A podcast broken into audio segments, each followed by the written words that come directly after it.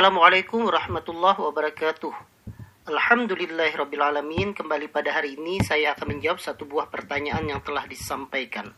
Assalamualaikum dokter. Waalaikumsalam warahmatullahi wabarakatuh. Saya perempuan usia 55 tahun.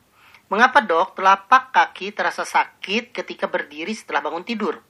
Kadang sampai terasa nyeri di tumit. Sebagai informasi, saya ada riwayat asam urat Yang mau saya tanyakan apa kemungkinan penyakit yang saya alami apa penyebab munculnya sakit di kaki tersebut?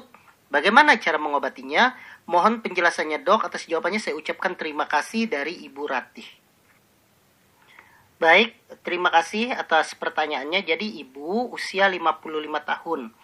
Pada saat bangun tidur nyeri. Dan yang penting itu data yang saya dapatkan itu nyerinya adalah di daerah tumit. Jadi apa kemungkinan penyakit tersebut? Kalau dilihat seperti itu, maka sangat memungkinkan uh, hal tersebut adalah plantar fasciitis. Apa itu plantar fasciitis? Plantar fasciitis itu adalah peradangan yang terjadi pada kaki, telapak kaki sebelah tumit di belakang. Kenapa dia bisa meradang? Karena adanya cedera atau bahkan sampai robekan pada daerah plantar fascia atau tumit bagian belakang. Makanya kita menyebutnya dengan plantar fasciitis. Jadi kalau dilihat dari situ memang sepertinya ibu mengalami plantar fasciitis. Walaupun ibu ada riwayat asam urat, cuma memang kalau seandainya terjadi peradangan asam urat atau kita menyebutnya dengan gout arthritis, yang terjadi predeleksinya atau tempatnya itu adalah di ibu jari kemudian bisa menyebar sampai punggung jari, sangat jarang dia itu menyebar di tumit. Kalau dia menyebar lagi pun dia sampai ke bagian mata kaki dan bisa sampai ke lutut. Jadi daerah tumit itu jarang. Kalau daerah tumit pertama kali, maka kemungkinan itu bukan radang asam urat, tetapi karena plantar fasciitis tadi. Dan memang berdasarkan berdasarkan teori plantar fasciitis ini memang sering terjadi pada usia 40 sampai 70 tahun yaitu usia seperti ibu 55 tahun. Kalau seandainya gout arthritis atau radang asam urat, dia itu terjadi paling sering pada laki-laki. Nah, siapa saja orang yang bisa terjadi plantar fasciitis? Orang yang terjadi plantar fasciitis itu antara lain misalnya orang yang beraktivitas itu banyak menggunakan kaki. Maksudnya aktivitasnya itu lebih banyak menitik beratkan ke kaki seperti misalnya atlet lari jarak jauh, aerobik, aerobik, balet misalnya itu sangat rentan terjadinya plantar fasciitis. Kemudian misalnya pekerjaan yang memang memerlukan posisi berdiri yang lama. Seperti misalnya guru, apalagi memakai hak yang tinggi. Atau misalnya tentara menggunakan sepatu laras, misalnya seperti itu. Atau kelainan anatomi, misalnya bentuk kaki seseorang itu rata atau tidak terlalu melengkung, itu sangat rentan terjadinya plantar fasciitis. Jadi plantar fasciitis itu gejalanya mirip seperti yang Ibu sampaikan.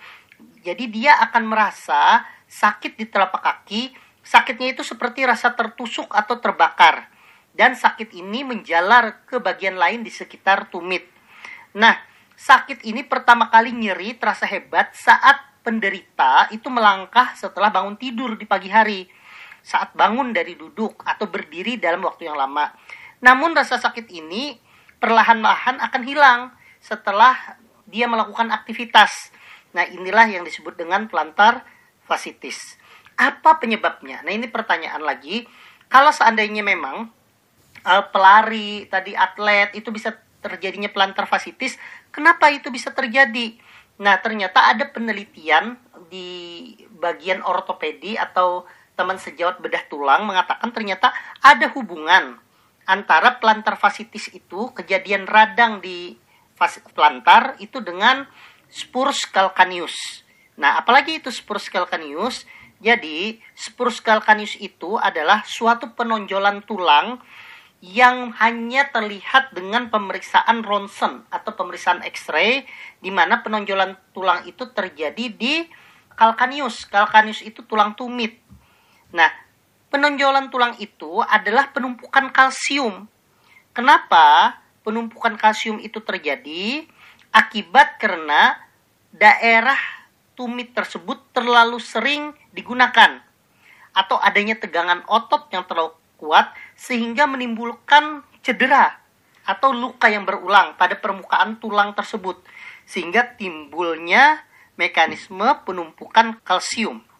Nah, penumpukan ini menyebabkan terjadinya tonjolan. Nah, tonjolan ini mengenai organ-organ sekitarnya sehingga terjadi peradangan sehingga terjadinya plantar fasciitis. Nah, jadi sebaiknya kalau ibu bertanya bagaimana cara pengobatannya, maka pastikan dulu bahwa ini adalah plantar fasciitis atau bahkan adanya spurus calcaneus. Jadi bisa ke dokter untuk dilakukan pemeriksaan ronsen.